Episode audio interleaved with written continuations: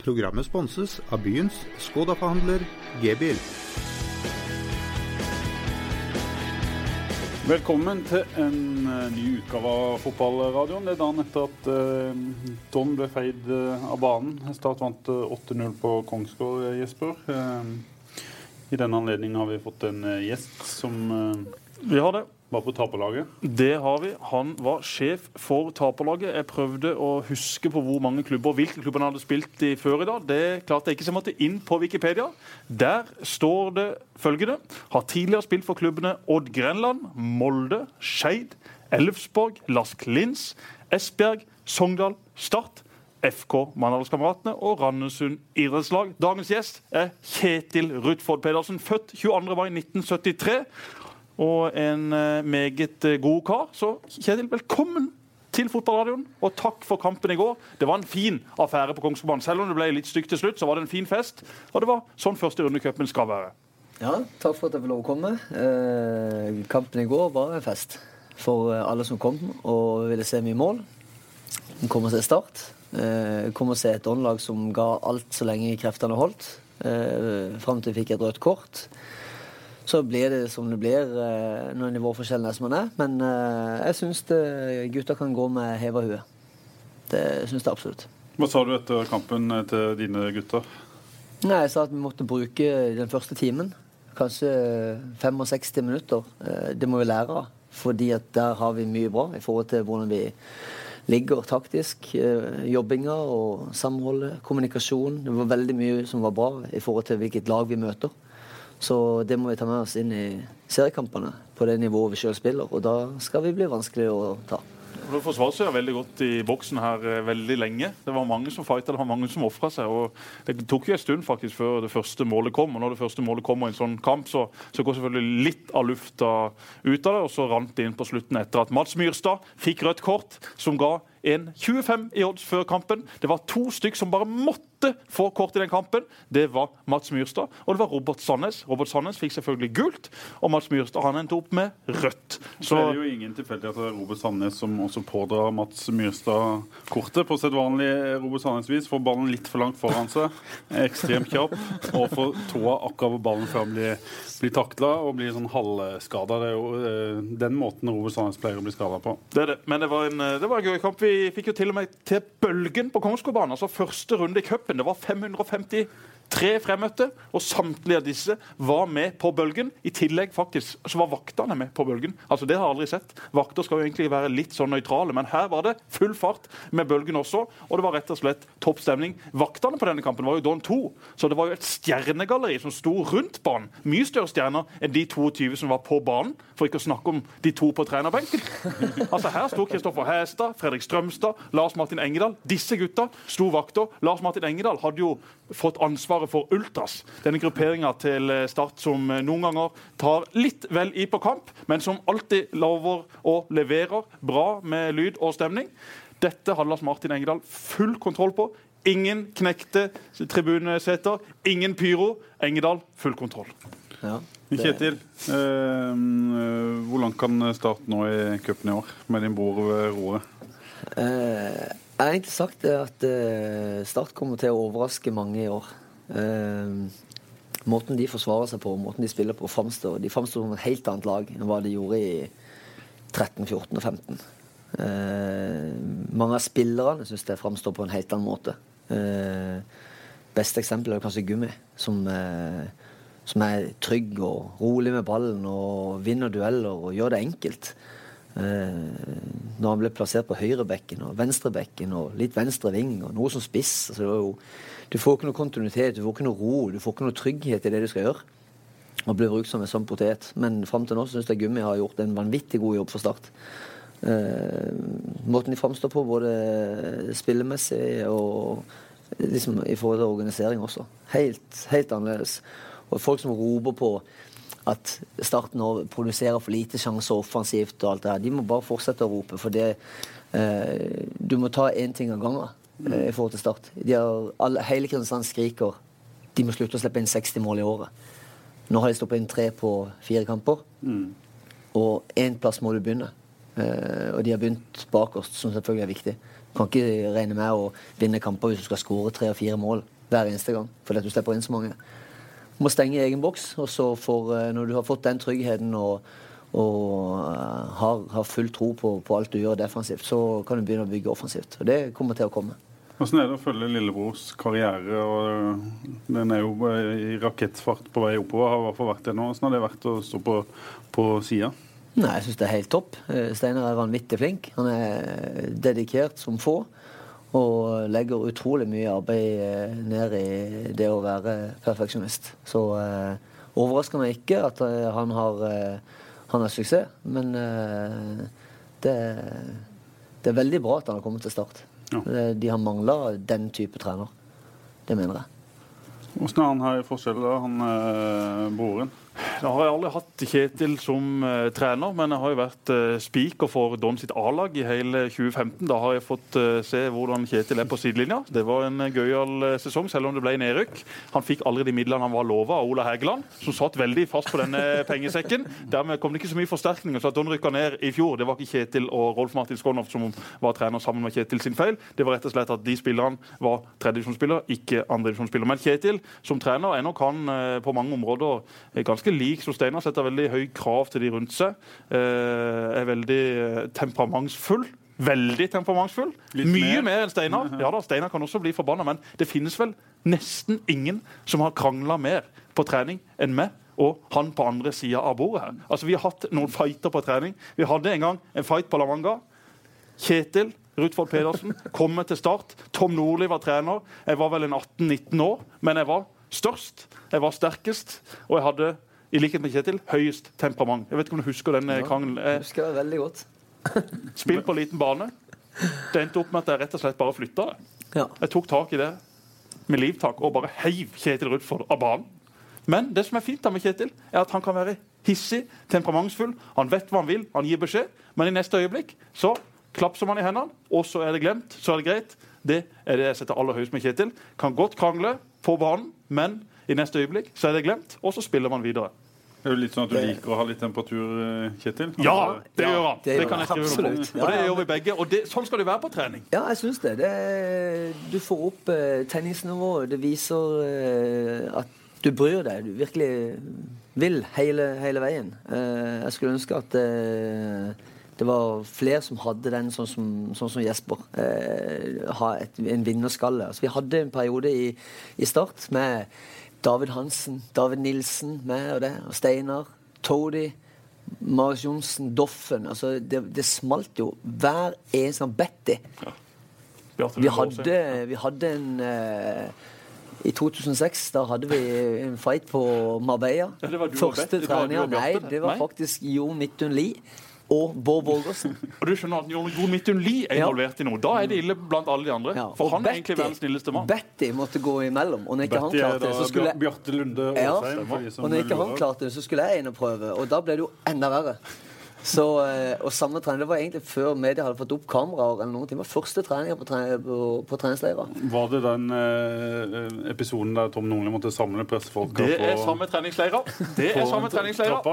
Tom Nordli Vi hadde jo med oss familien på denne turen. Flere ja. dere hadde vel med der eh, koner ja, Ikke oss, og, men noen andre hadde noen, ja. Ingen av oss. Vi, vi, hadde ikke det. Vi hadde verken eh, Eller jeg hadde ikke noen å ta med meg på den turen, iallfall. Men Kjetil hadde jo sin familie hjemme. Men denne turen går vel inn i historiebøker som den turen hvor Tom var på sitt mest temperamentsfulle. Altså, det var ingenting som skulle til for at det gikk galt. Han var jo, For det første så spiste han veldig mye salat på denne turen. Tom han elsker å høre på denne podkasten, så han hører sikkert på nå også. Tom, Vi må bare ta den historien, selv om du er enig. Du skal få tilsvarsrett neste gang du er i Kristiansand. Han spiste jo da salat. Men Tom Nordli og, nei, jeg mener Tom Bærhus og Fredrik Strømstad de sa jo Altså, vi må legge an på de. de sa jo at under all salaten så lå, lå pommes fritesen og alt kjøttet. Så sannheten er at han hadde to svære salatblader på toppen av tallerkenen. Under det der lå pommes fritesen, kjøttet og dressinga. Men i alle fall på denne turen.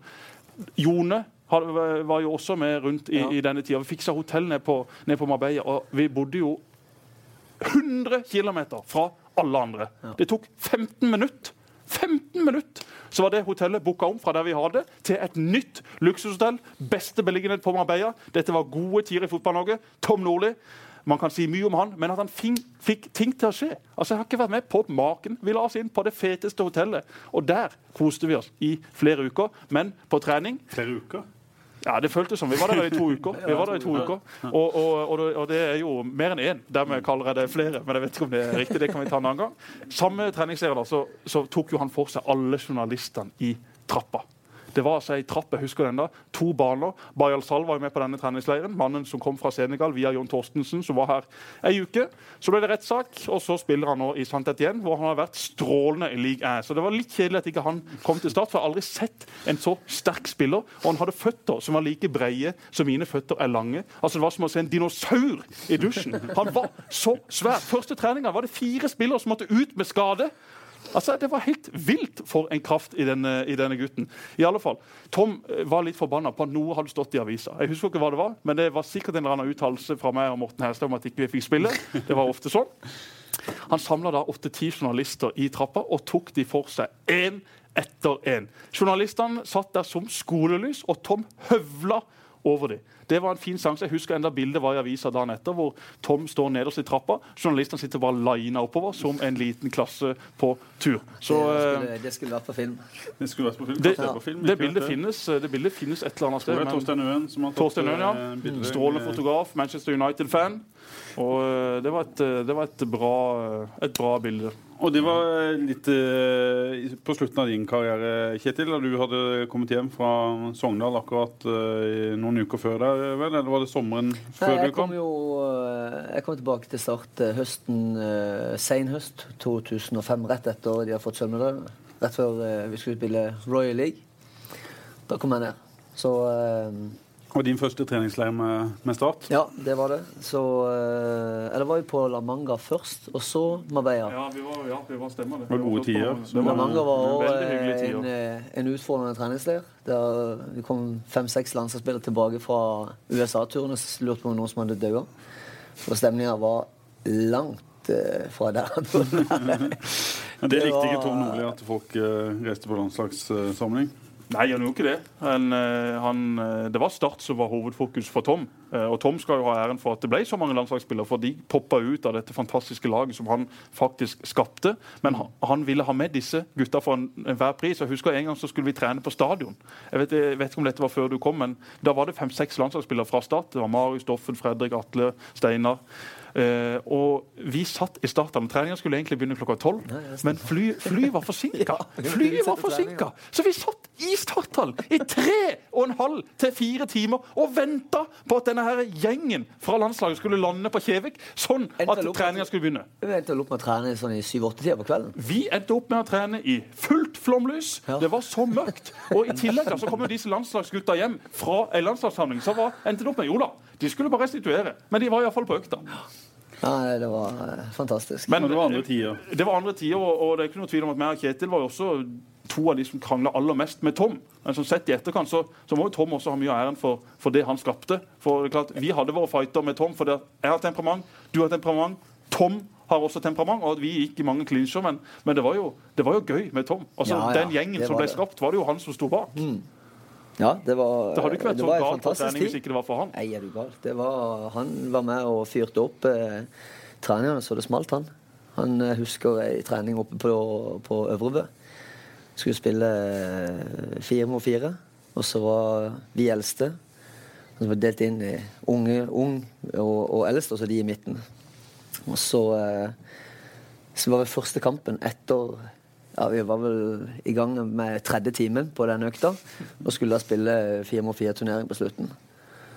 Så taper vi eh, eldstegutta mot de unge, og da tar han oss til sida. Langt til sida, sånn at de andre ikke hører. Og høvler over oss. Og mener at vi saboterte og ødela økta med å ikke gi 100% Vi ble egentlig bare utspilt av de unge. Så kan det gå i fire mot fire. Eh, Det var vel meg og Bala og Bjarte og Tordi, tror jeg, som var på det laget der. Tror de jobba ikke mye igjen på fire mot fire. Så jeg kan skjønne at jeg tapte den kampen. Han var litt sånn som Bernt Hulsker. Bala var vel heller ikke den som jobba mest defensivt. Bala jobba ikke mest, men det var jo også mye av grunnen til at han skjønte ikke hvordan han skulle jobbe hjemover. Altså Han ville veldig gjerne og hadde jo greit med løpskapasitet, men han skjønte jo aldri hvordan han skulle presse i dette 4-3-3-systemet til Tom. Tom brukte altså timer på timer hver eneste uke, men han fatta det aldri. Det gjorde jo Toddy. Toddy var jo en av de smarteste spillerne, men han ble lurt med vilje, han av midtstopperen. Og det er egentlig ganske smart, for det samme gjorde jeg når jeg spilte spiss. Hvis du går på ei finte fra midtstopperen, ja, men da slipper du presset, da. Helt topp! Vær klar til ballen kommer. Kjetil, vi må snakke litt, litt om din karriere, og som eh, ikke var i, i, i stor grad i start. Den var, som Jesper har nevnt, eh, veldig mange andre steder. Var din, Skikkelig klubb ja. Du har fått opplevd eh, mye. Hva eh, hva var, var på en måte ditt karrierehøydepunkt? Hvor var det? Ja, Østerrike var, var moro. Det er klart å spille eh, Storm Graz og Rapid Wien, Austria Wien og eh, de her store kampene derne, det var vanvittig moro. Så var det gøy å spille i, i Danmark òg, i Parken eh, mot FCK mot Brøndby. Og, eh, men, men jeg vil ikke bytte vekk en dag. Eh, det var jo eh, et par prøvespill i England også. Det var jo noen timer fra å signere med Sheffield United i 99. Fortell om det. Det har jeg aldri hørt om. Nei, det var... Nei, jeg har hørt om det mange ganger. Dette har han fortalt i garderoben tusenvis av ganger. Jeg har. Fortell det. Nei, jeg var i Sverige. Eh, ble invitert over på prøvespill i Sheffield United. De var da i eh, championship. De skulle ha seg en ny eh, midtstopper. Så var jeg der over og spilte to treningskamper. Skåra faktisk målet i, på Bramall Lane. Det har jeg også skåret, by the eh, way. For Norges U19-lag mot England. Skuddfinte, land i lengste. Videre, Vi spilte mot uh, Sheffield Wednesdays eh, reservelag. Så uh, var jeg der over i fem dager først, og så ble klubbene egentlig enige. Eh, Da spilte vi i da spilte jeg i Elfsborg. Elfsborg i Sverige. Eh, og så fikk jeg over eh, kona og tre måneder gammel unge, så vi var kikka på leilighet, og alt var klart. Så lørdag spilte de hjemme mot Bolton. Så eh, skulle vi signere på søndag, og medisinsjekk, alt var ferdig klart. Kontrakten var klar. Så eh, leder de 1-0 til pause. Ender opp med å tape 2-1. Fansen går amok. Og Adrian Heath, som var manager, han sa dette gidder jeg ikke. Så stoppa han. Han sa opp på lørdagskveld. Og da ble det litt eh, kaos i klubben, og da sa de nå må vi vente. Så du får reise hjem, og så eh, gir vi deg beskjed i løpet av et par dager hva som skjer videre. Og så eh, Neil Warnock, som tok over som manager, sa at jeg skal klare meg med det jeg har. Og så rant dette litt ut i sanden. Ja. Så hadde de vunnet den kampen, eh, så hadde blitt Kanskje til eh, og med hadde holdt med uavgjort. Ja, det er kanskje uavgjort. Eh, da hadde jeg iallfall skrevet en tre og et halvt års med Sheffield United. Men det ble ikke sånn. Så det er små tilfeldigheter i, i fotball. Så eh, Men så Sheffield United på den tida, hva var det av altså, hva var det av penger, hva var det av lønn? Var det en, var det en Ja, det var en, var en veldig god kontrakt. Ja, og det vil si Ja. ja, skal vi si det? Ja, Ja, det skal være radio. Ingen som ser oss. Ja, det er snakk om ca. fire millioner i året. Den gang i 99. og Det syns jeg var veldig bra. Mm. Det er godt betalt. Absolutt. Så eh, ja. Jeg har hatt mine, dyre, jeg har hatt mine dyre tap på oddsen, men eh, Ja. det var jo det er det Ja, dyreste men det tapet. var, det var surt. Det var jo inkludert sign-on-fee og dette her. Men uh, klubbene var jo enige, og alt var klart. Men uh, Og da spilte du i IFK. Nei, det var i Elfsborg. Elfsborg. Sorry, sorry, sorry, Ja. Så uh, det var Det er små marginer, som jeg sier. Men eh, jeg vil ikke bytte vekk én i forhold til det jeg har opplevd. Eh, så eh, Det er en god historie, da. Ja, det er det jo. La meg si det sånn. Jeg var, jeg var langt nede Ja. når jeg satt meg på flyet eh, på vei hjem på, eh, på mandags morgen. Ble dette utsatt da. Så eh, ja. Det er jo fullt uh, forståelig. Ja, det er det, men det er jo en kul karriere Kjetil har hatt. Altså, jeg har jo vært i, en klubb. Jeg var to uker på Bryne før jeg fikk hjemlengsel og reiste hjem med første tog. Fra Rune Hauge, Rune Hauge sin leilighet på Jæren. Eh, det er det eneste oppholdet jeg har hatt i en annen klubb. Så det er jo veldig forskjellig det vi og Kjetil har gjort. Kjetil har hoppa rundt forbi mange klubber, opplevd masse. Så jeg er jo, må jeg være enig, det må jo ha vært utrolig spennende å oppleve så mange land, kulturer. altså Den erfaringa Kjetil har med seg, da, som han nå eh, tar ut som først Storm-trener, men jeg kan tenke meg at Kjetil også har høyere ambisjoner enn dette etter hvert, hvis han virkelig bestemmer seg. Så er jo det gull med all den erfaringa og alt det han har vært med på, alt det nettverket du må sitte på rundt om i, i Europa også. Ja, men det, det vil du bli. Har trener, Kjetil? eh, Ja, jeg har jo, eh, jeg har jo B-lisens. Ja. Nå har jeg søkt eh, A-lisens, eh, så jeg får beskjed i mai. Så får vi se. Det er jo eh, det, er jo det kurset vi må ha for å eh, bli med på Steinars team i tilfelle. Så får vi se. Men eh, Kunne du tenke deg, tenke deg å jobbe sammen med Steinar? Ja, det kunne jeg godt. Ja. Ja. Eh, Jeg tror vi kunne utfylt hverandre på, på mange måter eh, mange måter der, men eh, eh, Tror du, han har lyst tror du han har lyst til å jobbe sammen med deg? Det vet jeg ikke, det må jo han nesten svare for sjøl. Men, men, eh, men eh, det er jo klart, det må jo eh, eh, finne noen passer godt sammen med. Ikke sant? Det handler om å få et, eh, et godt team. Så eh, Men eh, vi får se hva framtida bringer. Det, jeg skal iallfall ta de kursene sånn at mulighetene ligger der. I tillegg til å ha vært eh, mange, i mange klubber, så har jo Kjetil Rudfold også vært på kanskje enda flere, eller ikke kanskje, men enda flere nattklubber. Og det har jeg jo prøvd å finne noen historier om, men det, altså, alle legger bare lokk på historiene. Jeg finner veldig få historier på Kjetil. Jeg har snakka med Ole Frivold, Thomas Frivold, Erling Flatø, Ole Martin Orst.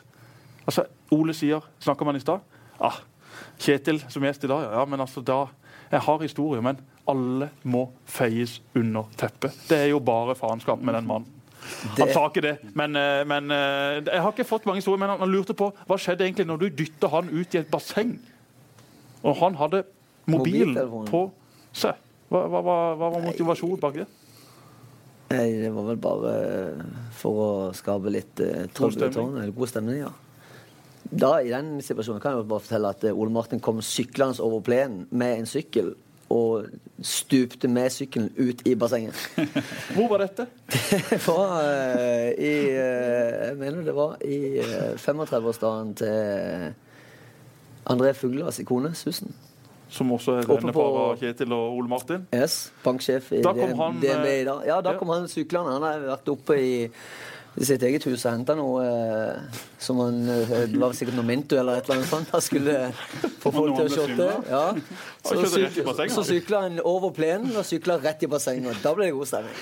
Det er ikke første gang Ole har Ola har jo Ja, hatt, han har på eh, Sør Arena, Han har hatt sykling på Sør Arena på et nachspiel. Veldig gøy å kunne legge dette over på Ole Martin Ja, nå Aas når det det- egentlig var mine er historier som skulle komme ut. fint, Dette- Nå, nå skal jeg bryte av, så Ja. slipper ok. mer pinlig. Eh, Pinlig. Det er god historie med Ja, ja. Martin. Det kan, eh, det kan, det kan vi ta det kan komme senere. Programmet blir sponset av byens Skoda-forhandler G-bil. Fram, start, Vindbjart, Jerv. Det er da eh, Ja. Det kom nå. eh, Andre runde i cupen. Ingen overraskelse at Start ikke får Vindbjart, selv om det er kanskje den kampen som hadde skapt mest liv på Sørlandet. Det blir ikke sammen med Jerv-Vindbjart, selv om det er et eh, litt betent forhold mellom de to klubbene. Det hadde ja, helt klart blitt eh, trøkk rundt en ny Vindbjart startkamp. Det, Hvorfor får vi ikke det, Jesper? Er ikke det dårlig NFF? Det er vel sånn reglene er. At du skal ikke møte det laget du, du Hva er det for regel? Er det Nei, noen altså- poeng med en sånn regel? Nei, men det er mye regler i NFF som ikke det er noe vits med. Altså, Vi har fått noen nye dommerregler i år som bare er helt høl i huet. Det finnes reglement for alt mulig vas fra NFFs side. Det er altfor mange som er ansatt der. Det er altfor mange som skal være smarte. Det er altfor mange som skal tenke ut regler. F.eks. at alle målstenger skal være hvite, ikke blanke. F.eks. at ikke det er lov med musikk på kamper. Bare se på Kongsgårdbanen i går. Kjempestemning når vi dro på med Life is Life, som vi gjorde på gamle stadion i gamle dager. Så, sånn er bare reglementet. Det går vel også litt på for å fordele, sånn som at Fram Larvik skal få et tippeligalag på besøk. Det er klart at Dette er ikke noe lokaloppgjør, men det vil jo være De kunne fått Stabæk. De kunne ja, fått, men så sikkert eh, Stabæk setter et annet sted med, med en eller annen begrunnelse. der. Det er jo en kabal som skal legges. Men uh, for Start sin del så er det jo fint med en, eh, en busstur til, til Larvik. For hvis man går videre, så har man jo reist uh, x antall kilometer, som er en fordel med tanke på få hjemmekamp senere i cupen. Så for en sånn sportslig sett for Start så er det ei god trekning hvis man klarer å slå Fram. For Fram er også et lag som, som satser. men det er ikke Vindbjart-nivå på de, for når Vindbjart møter Start, da går de på eh, flybensin, og da er de veldig gode. Så eh, jeg tror nok at eh, Steinar Skeie hadde håpet på en ny returkamp. Det tror jeg ikke Even Bransdal hadde. Men vi For, kan jo få den kanskje i neste runde. At NFF enten ser mellom fingrene eller setter opp Jerv Start i tredje runde. Kan vel fort, fort skje nå, hvis både Start og Jerv går videre. Ja, det kan fort skje, og det skal bli deilig å se en kamp mellom Jerv og Start hvor ikke alt står på men blir tredje runde også satt opp fra NFFs side? det Ja, er jo ikke det? Ja, jeg vet da søren. det. Må vi eh, Det finner vi ut av. Men uansett så kan det jo bli og Jerv-start. ja. Med trekning. og tredje runde, ok. Ja. Ja. Men eh, jeg tror ikke, jeg tror ikke Jerv får noen enkeltkamp mot Vindbjart heller. Nei, Det tror jeg ikke. Vindbjart har et uh, høyt toppnivå. Og uh, som du sa, det er et betent forhold mellom de to klubbene også. Det har vært en forhistorie der. Og uh, det kommer til å bli en, en jevn og, og fin eh, Ja, det blir Kamp. sikkert en, eh, en bra kamp. Men uh, i forhold til sørlandsfotballen, så har det jo selvfølgelig Vindbjart Start uh, Det er mange som kanskje gikk glipp av den kampen i fjor. og sagt nå, Det var en den skal være med. det var en fantastisk gøy kamp i fjor, uh, hvis jeg tar vekk startøynene mine. Ja. Men det var jo en gøy kamp. Det var jo en historie og et minne for livet for alle de som var involvert. Dårlige minner for oss i Start, og fantastiske minner for Vennesla og, og Vindbjart. Og Når vi er inne på fantastiske minner og fantastiske kamper Kjetil er jo en stor, stor Liverpool-fan. Og i går kveld hadde du en fantastisk Normally, being a little extra can be a bit much, but when it comes to healthcare, it pays to be extra. And United Healthcare makes it easy with Health Protector Guard fixed indemnity insurance plans. Underwritten by Golden Rule Insurance Company, they supplement your primary plan, helping you manage out of pocket costs without the usual requirements and restrictions like deductibles and enrollment periods. So when it comes to covering your medical bills, you can feel good about being a little extra. Visit uh1.com to find the Health Protector Guard plan for you. fin kveld. Det røyk ut av cupen, men når du kom hjem og fikk slått på Det veide opp en del, ja. Liverpool, Det Liverpool. Borussia Som var den opplevelsen for en eh, Liverpool-fan? Det lurer jeg på. Det er jo helt vilt. Ligge og så komme under 2-0, og så bare altså, spille til 2-1-målet. Og så komme bak 3-1. De må jo ha skapt en 15-16 store målsjanser. i går. Liverpool, altså Mange skryter av Dortmund, men det var jo Liverpool som kjørte hele kampen. Dortmund hadde vel tre-fire sjanser og skåra tre mål. Liverpool må jo ha skapt mellom 15 og 20 sjanser spilt fantastisk de har noen gode fotballspillere. Dortmund. Marco Reus det er Ja, ja, på, på. Det er ikke lenge før han er i Liverpool nå. Nei, fine, Fine angrep når de skårer, men eh, har du sett Liverpool, eh, det angrepsspillet med det tempoet, har du sett de så gode i moderne tid før? Hittil? Nei, jeg tror ikke det. Det går ekstremt fort. Og det er på, på 2-1-skåringen så er det jo eh, veggspill på ett touch på 4-5 eh, og før gjennomspillinga kom, og så avslutninga også på ett touch. Det er rått. Og da, altså, det går så fort. Det er så mye folk i bevegelse, og det går eh, Nei, Da skal du stå tidlig opp for å henge med de, ja. Noen spillere liksom på vei helt opp i verdenstoppen er vel kanskje en følelse av Emre jo og, og Filip Coutinho kanskje som de uh, to Ja, da, største ikke, må vi kommende ikke snakke opp. Liverpool eh, sånn som alle Liverpool-fans skal. De, ok, de slår Dortmund i går i Europaligaen, all ære for det. Men det har jo litt med hvordan du forsvarer det også. Det var ikke alle på Dortmund som hadde stått opp til den eh, kampen i går. Det var fryktelig mye dårlig forsvarsspill. Så nå må vi ikke jekke Liverpool-supporterne enda høyere enn det de faktisk er. Jeg er jo United-mann, og vi og Kjetil har hatt våre diskusjoner og veddemål opp igjennom. Jeg gleder meg til den dagen United leverer en sånn prestasjon. Det er ikke lenge til. De, Nei, de er jo i ferd med å få stjerner, de er unge stjerner. Ja, ja, jeg gleder meg til Liverpool vinner noe. Det gjør jeg. Det gjør jeg. Det kan, Det jo- Det blir det gøy. kan, jo gå, det kan jo gå kort tid. 28. mai er det da det er Ja, ja Europaligafinale. Villarreal i eh, semien, det, de, de er bra. Men eh, absolutt overkommelig, det òg. Ja, da. og jeg, jeg, har jo, jeg har jo aldri hatt sånn kjempesansen for Liverpool, men jeg må innrømme det. Altså, den, den kampen i går, den stemninga, eh, den gleden det skaper blant eh, folk som ikke har vært med på så veldig mye gøy de siste årene, det, det syns jeg er gøy. Det er det som er fotball. Fotball er følelser. Det var noen som skulle kritisere Tor Ole Skullerud for at han kalte dette tidenes sykeste kamp. Ja, hadde jeg sittet på Anfield og kjent den stemninga, ja, så hadde jeg selvfølgelig kalt det tidenes sykeste kamp, jeg også. For, for et kick det må være. De reiste seg til og med på handikap-tribunen, så jeg klippa i dag. Til og med på handikap-tribunen reiste Jeg lurer folk på om ikke det var de som følger disse her på kamp. At ikke det var Men det kan godt det være at litt- eh. Liverpool skaper så mye under at eh, de klarer å reise seg. Det, Det er ikke umulig. nei. Men så er det da eh, en tøff kamp på søndag for Start. Vi må også innom den. Odd mot Start. Odd som har vært veldig imponerende så langt.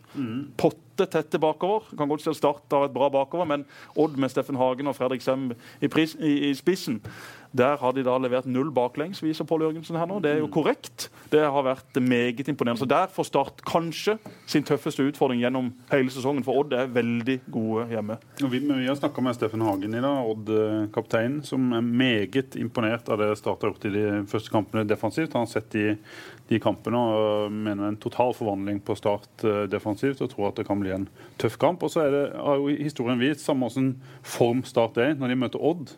Så er det et eller annet der, eh, kanskje mellom de to klubbene. Kort reiseavstand, litt rivalisering. Kampene blir ofte jevne mellom Odd og Start, samme hvor de spilles. Det gjør det, og, og Start eh, slo jo Odd for eh, to år siden 1-0 på 16. mai. Men det er klart, det var ingen jevn kamp. Eh, Der sto Håkon Oppdal til tolv på børs. Til 12, ja. Han sto sitt livskamp, og han ble jo hylla av både de som gikk i Borgertoget, og de som sto og så på Borgertoget, For det var rett og slett fantastisk. Mm. Så det har ikke alltid vært jevne kamper, selv om Start har fått med seg resultat. Og vi får nok en kamp på søndag også, hvor Odd kommer til å styre kampen. De har sitt grunnspill. Start kommer til å ligge lavt og vente på, på sine sjanser, men uh... Det som er synd, er at Ujak, eh, som kunne vært en god mann i en sånn kamp, da hadde vi på en måte fått sett Stats kanskje kontringsspill for første gang i, i år. Han er ute. Og, men Lasse Sigurdsen har vel eh, bra med fart, selv om han ikke har Ujak-tempo. Nei, han er bra med fart, og, men så skal han opp da mot kanskje tippeligaens beste stopperpar i Steffen Hagen og, og Fredrik Sem, som, som, er, som er veldig solide. Så det blir en tøff utfordring for uansett hvem som skal spille spiss i Skien. Det hadde også vært for Uduak, men Uduak har jo noe med seg. Han har noe eh, litt mer enn en alle de andre på startlaget med tanke på sitt toppnivå, hva han kan gjøre på egen hånd. Eh, så, Så har Start Ayer, som, eh, som viste i går at han, han eh, i hvert fall på det nivået der er en god spiss. Jo, men eh, Kristoffer har eh, absolutt mye med seg. Eh, og og eh, jeg syns Når det er sagt, vi må si om Lasse i forhold til kampen han gjorde mot Molde, syns jeg han eh, eh, gjorde en veldig god innsats. Igjen møter han et vanvittig godt stopperpar. Og, og han jobber godt og eh, viser at dette her er en spiller for framtida. Eh, det må dyrkes. Men han fikk vel samtidig en aha-opplevelse at eh, Men selvfølgelig, dette her det er klart det er et helt er- annet nivå enn hva han har vært med på, på tidligere. Men når du vet at de spilte mot Molde, Mm. så, og dette var debuten hans fra start, så, så syns jeg Lasse gjorde en, eh, en veldig, veldig god figur. For Du kan ikke forvente Så- noe mer enn at han løper og kjemper og, og tar duellene både i lufta og langs ikke mot, ikke mot Molde-stopper, ikke mot Odd sine stopper. Så det, er, det er det beste du kan møte i Tippeligaen. Da trenger man selvfølgelig å kjenne på det nivået for å bli vant til det og for å kunne utvikle seg. Så Det er jo gull for eh, en spiller som Lasse, gull for Start som klubb, å få gitt Lasse og andre unge unggutter denne, denne sjansen. Det vil de vokse på. Det vil også Start ha fortjeneste i årene som kommer. Og Så har vi sette sett i vinter og kanskje også i går at han trenger ikke mange sjanser før det, det smeller. Han treffer ofte både mål og Ja, han har en vanvittig skuddfot, så uh, han, ja, som du sier, han skal ikke ha mange sjanser inn i 16 før han kan, uh, før han kan sitte. Og når han får hjelp av Ayer på der, så tror jeg nok også det kan, eh, kan være med å lette hans jobb. Men vi må litt tilbake i tid. Altså, vi må tilbake til Kjetil var i start. Altså, det var helt galneslig på denne tida. Det var utrolig gøy. Og mye av grunnen til det Kjetil, er jo de spillerne som var der. Altså, vi hadde fantastisk mange originaler. Fantastisk mange fantastisk Nå ble det mye fantastisk, men vi hadde mye gøye medspillere. Vi kan jo bare begynne med noen. David Nilsen, for eksempel. Han er en god venn av det. Ja, nei, vi hadde, vi hadde Alex Valencia. Eh, Jo Midtun Lie var jo faktisk også en utrolig artig fyr å ha, på, å ha i gruppa. Eh, Kenneth Høie, eh, ja, og Fredrik, Og Tom. ja, når vi er inne på temperamentet, temperament, altså Kenneth Ja. Høie han overgår vel oss keeper. begge. Han er keeper. Ja. På ryggen, null i huet. Ja. Som Erik Rutford eh, aldri har sagt, men som jeg pleier å si til han. Nei, men det var, det, altså, den gangen er veldig veldig glad for at jeg fikk være med i, i Start eh, akkurat det året der. For det var noe, det var noe spesielt. Uh, og særlig altså, ikke det etter at Tom fikk spark, men, men det gjorde noe med gruppa når vi fikk trent litt mindre, og, og selvtilliten kom når vi begynte å vinne kamper igjen. Og treningsmengden gikk ned, og formen tjo, det bare eksploderte etter at Stig Inge kom.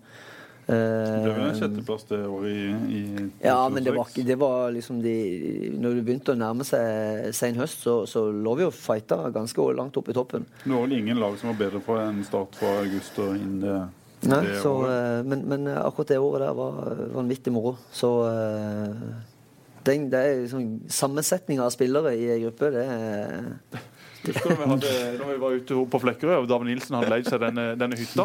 Han hadde leid halve Flekkerøya. Han gikk inn til en megler i byen og sa jeg skal ha det feteste, jeg skal ha det dyreste stedet dere har. Da fikk han da et sommersted på Flekkerøya som kosta 30 000-40 000 i måneden. Der hadde vi jo en eller annen eh, fest med Inge, eller Ja. om ikke det var fest, så hadde vi i hvert fall en samling der ute hvor Alex Valencia rygga på et skjær. Ja, jeg kan kjøre båt. Ja. Men kunne han det? Nei, Nei. for han skjønte ikke at når du rygger med båt, så går Det er ikke som i bil. Bakke heter det på båtspråket, Jesper. Bakke? Ja, ok. Ja, ja. Men han, Han, han, Han kunne ikke bakke. Han kunne ikke bakke, han kunne ikke rygge, han kunne ikke noen ting i en båt. Men som den bergenseren han var, han kunne alt. Ja. Og Kenneth Høie gjør det jo strålende i Sverige, da. Fikk Ja, jo veldig mye kritikk veldig når, han- når han eh, sto i mål her for at han slapp inn så mye mål, men det kunne jo ha noe med å si med oss fire foran, eller kanskje hele laget som helhet. For Kenneth er jo en god keeper og en fantastisk fin fyr. Ja, han har en veldig bra standing i Allsvenskan. Eh, helt siden han eh, var fri her og dro til Elfsborg, eh, så eh, var jo han med å få eh, SM-gull. Eh, og etter det så kom han til Djurgården i Stockholm og har gjort det helt fantastisk der oppe. Så eh, han har stått eh, alle kampene om til nå. De leder serien. Så eh, Kenneth har gjort det bra.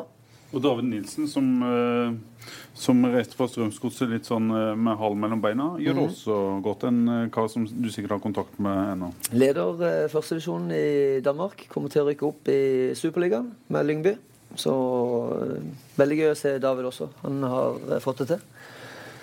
Er det sånn at Noen sier sikkert at han kom litt lett tidlig etter å ha vært i, i Bergen, og hvem var det han trente opp? Var det Fyllingsdalen? Fyllingsdalen, ja. Nessotra- Nei, Nessotra var det. Nessotra, Nessotra. og så kom han og ble Deilas assistent, og så ble han plutselig eliteserietrener. Kom David litt eh, lett? Måtte han, må han ned og begynne på nytt igjen?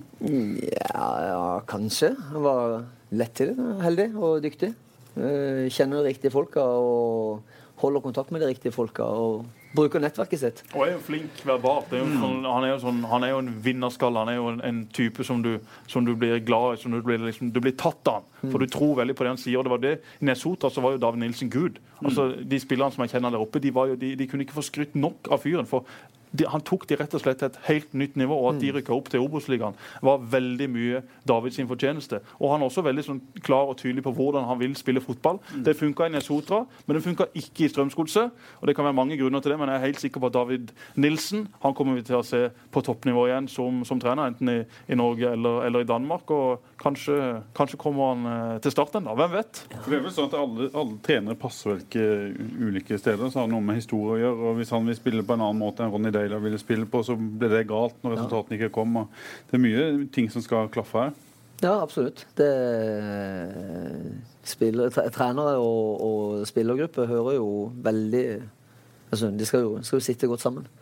Skal, kjemien skal stemme, og du skal få eh, den gjensidige respekten. Og du som trener skal jo få, få gruppa til å tro på det du ønsker, og så skal du eh, få det ut sammen med hele gjengen. Eh, og som Jesper har vært inne på, vi eh, Tom Nordli er jo sikkert den, den faglig sett absolutt den dyktigste treneren jeg har hatt noen gang.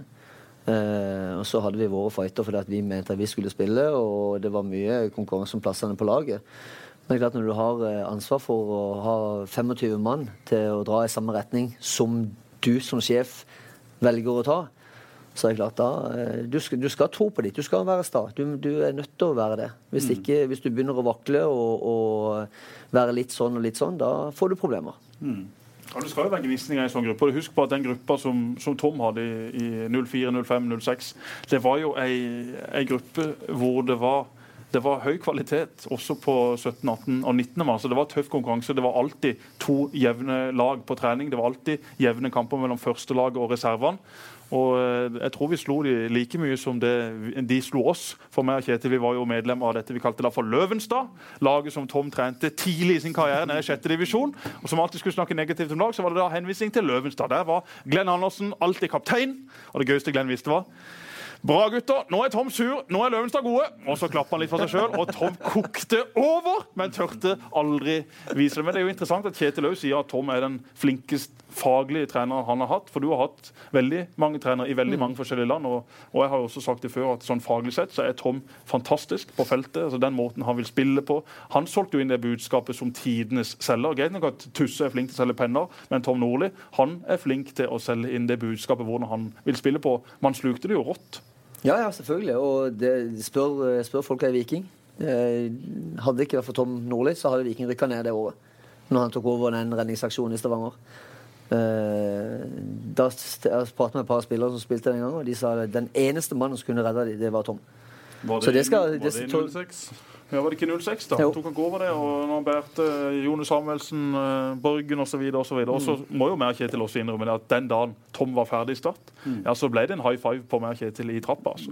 For Det ble kake, gjorde ikke det? Det ble kake, og jeg husker Kjetil kom ned trappa og sang 'It's a Beautiful Day'. Da skjønte jeg OK, Tom han er ferdig. Han er slutta i start. Han er blitt sparka ut, ut av døra. Så det var jo en sånn en, eh, Masse plusser og, og, og masse minuser i den perioden til Tom. Men sånn sett i ettertid, da. altså Den, den faglige Tom og hvordan han, og hvor gøy vi hadde det. Laget vi skapte. altså Det er jo soleklart den gøyeste tida mi i Start, selv om ikke jeg spilte så mye. Det var bare helt fantastisk gøy å få lov å være med på den oppturen. Det trøkket på trening, den spillergruppa med alle de profilene, alle de klovnene i garderoben. Jeg har ikke sett på maken. Nei, Altså. jeg gleder meg til hver eneste trening. Hver eneste dag. Og det er jo spillere som spilte på 05-laget, som var veldig sentrale, som Marius Johnsen, Kristoffer Hestad og Fredrik Strømstad, som alle sammen har sagt at uh, vi skulle klart å løse de interne problemene på en bedre måte. Vi skulle eh, vært mer eh, samlende, og så skulle vi klart å skape et Ja, vi, vinnerlag hadde, ikke- det vi hadde ikke klart det. vi Ikke, hadde. vi, altså, Tom var for sterk. Ja. Han Og det var for få eh, sterke ja. voksne spillere i den gruppa. Kjetil kom inn i, i, etter dette, hadde egentlig utdatta seg. Men det var altfor få av de som var profilene på banen, som var tøffe nok til å si fra i garderoben. Jeg krangla mest med Tom, alle, for jeg var dum nok til å si ifra og, og sa hva jeg mente. Jeg kunne ikke ta en fight når jeg var 18-19 år, men det var de eldre som var inne på laget. Dermed beskytta de seg sjøl med å ikke gå i disputt med Tom, ikke ta disse problemene ved rota, som gjorde at ting utdatta seg, og dermed ble det faktisk umulig å, å, å samarbeide til Har du hadde tatt ting med rota da, som eh, noen angrer på at de ikke gjorde? Annet Marius Johnsen, som har, eh, har sagt, eh, Ja, det kunne, det kunne iallfall vart lenger, men det er ikke noen tvil om at Tom er veldig krevende. Han er en veldig sterk eh, personlighet som vet hva han vil. Og dermed skaper han vinnere. Dermed klarer han å vinne ting. Dermed klarer han å ta spillere til nytt nivå. Altså Se på, se på Marius da, eller Fredrik eller Doffen. De var jo fantastiske i 05, i 04, men de var jo aldri i nærheten av det samme nivået etter at Tom forsvant. Så han fikk jo maks ut av den gjengen som var der i, i 05 og, og burde tatt dette, dette gullet. Så det er jo sånn, igjen da, sett i ettertid, fantastisk imponerende den jobben eh, Tom gjorde i Ja, ja. Det synes vi skal ta seg hatten for alt det han klarte å få til i Og vi gleder oss til å få Tom som gjest i Fotballradioen. Han var jo her nede og besøkte oss i eh, desember sammen med Hulkebass på Tikk. Og eh, Tom kommer garantert til å komme inn. Vi må ha han igjen. Og da skal vi Han har flere historier å fortelle. Tom har mye mer å fortelle. Vi skal snart avslutte. Vi må snakke litt om tredjedivisjon først. eh, Kjetil, du er jo tredjedivisjonstrener. Det er mange eh, tredjedivisjonslag i eh, området.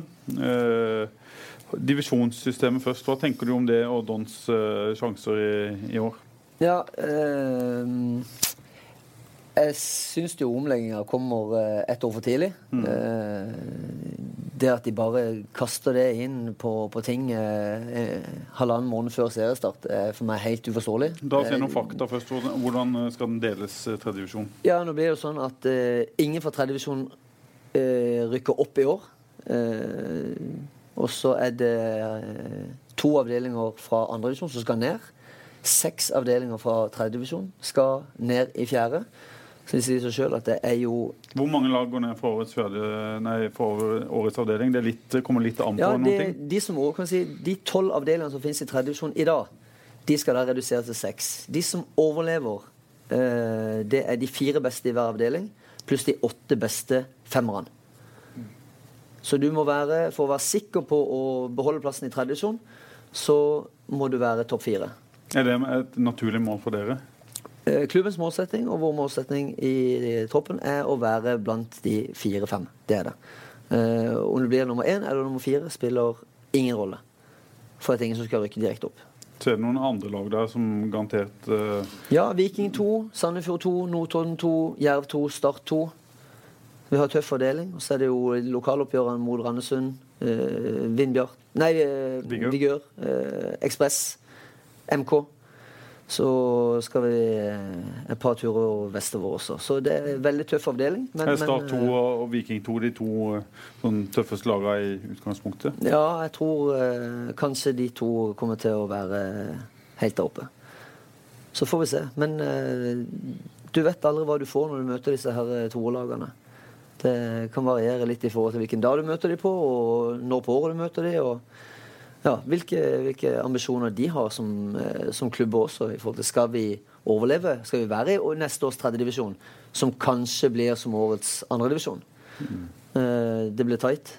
Veldig tight. Hva tenker du Jesper, i den tredje divisjonsavdelinga? Du har god kjennskap til lokalfotballen, selv om du ikke ser disse lagene hver uke. Hvem Start 2 og Viking bør vel klare å holde seg? Ja, Start 2 og Viking 2 holder seg hvis de vil. Så Det er jo egentlig helt og holdent opp til de sjøl. Hvis de vil, så stiller de godt nok lag til å spasere seg inn til en sikker plass i den tredje divisjonen. Det er jo det som er litt frustrerende også for Kjetil og, og gutta som trener Don Vigør Ranesen. For de vet jo at vi her er det egentlig to plasser i fall, som er gått til Start 2 og Viking 2. For det er klart at Start 2 og Viking 2 de kommer til å ha ambisjoner om å være i mm. tredje divisjon. Det er den perfekte arenaen for unggutter. Det å rykke ned en divisjon, da blir det igjen eh, mot altså litt mer amatører. Da. altså De som spiller i neste års tradisjon, det vil være folk som, som trener bra, og som vil gi god matching til voksenfotballen inn mot disse unggutta.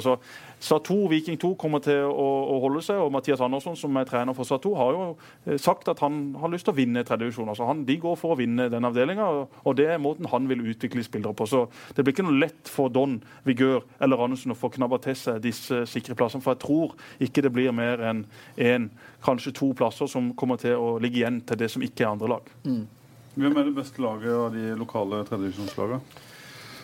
Nei, altså, jeg, jo, jeg, har jo på meg Don-lua, så jeg må jo si Don. Det er jo klart at verken Don, eh, Vigør er jo på det nivået som de har vært sånn historisk sett. Har mistet, don har mista flere viktige brikker fra i fjor.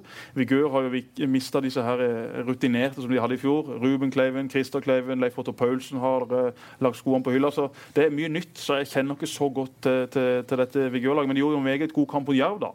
Og dro jo det, dro jo det veldig, veldig, langt. Så det var imponerende. Det kom vel noen gutter da, som du alltid gjør for fra Hellemyr? Ja, ja, ja. Vigør, vi har spist mot de tidligere år. Og uh, Vigør har et veldig godt lag. Uh, vi har et godt lag når vi leverer sånn som vi gjorde de første 45 i går.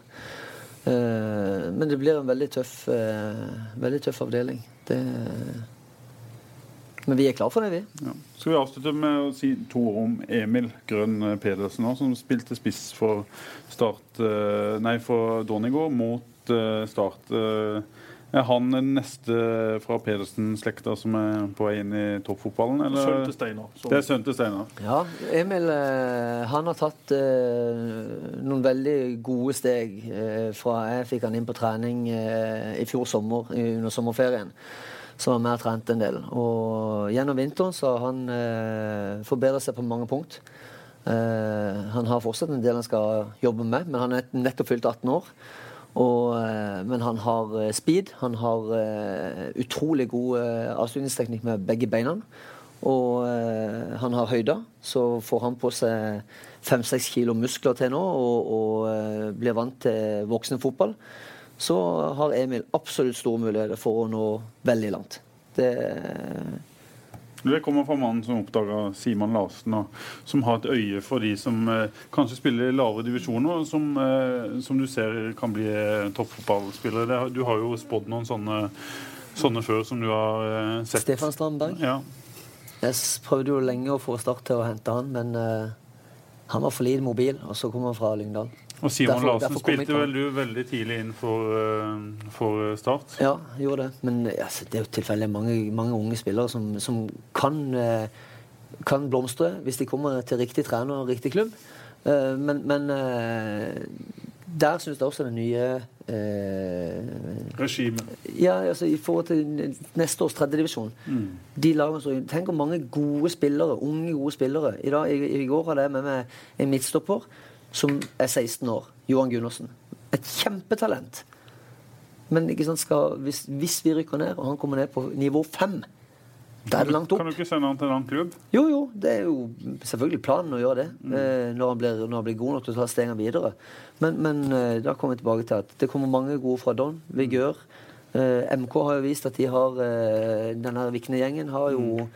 vist at det er mulig å gjøre mye godt med fotballen selv om du kommer fra fra Mandal og nedover divisjonene. Så her er det opp til komme tilbake til Emil. Det er kun opp til han hvor god han vil bli. Mm. Han er Norges nye Tor André Flo. Tore? Ja. Han har Spennende. samme type teknikk, eh, samme, samme stil nå og sånt. Så, eh, Det, det, det er kun opp til han. Spennende. Gi oss ett navn til fra lokalfotballen, fra hvilken som helst klubb. Eh, Fløy, Randesund, Vigør, som, som du har sett og tenker oi, han blir god. Så kan vi se om tre-fire år om det var riktig. Eh, ja, eh, Unge Dalane Vigør tror jeg kan bli en god spiller. Han er født i 99. Jesper Davan her. Yes. Og uh, så får jeg håpe at jeg klarer å motivere Johan Gundersen hos meg til å ta stegene videre. Det er også eh, en 99-gutt. Så eh, Ja, så får jeg se hva jeg klarer å gjøre med min egen sønn, som også er født i 99. Ja. Kjetil skal ha kred for det. Han har jo skaffa en midtstopper til den tippeligaklubben som ligger der på bunn. Vålerenga. Drikker kun Cola Zero på dagen De har null poeng. De har ett mål.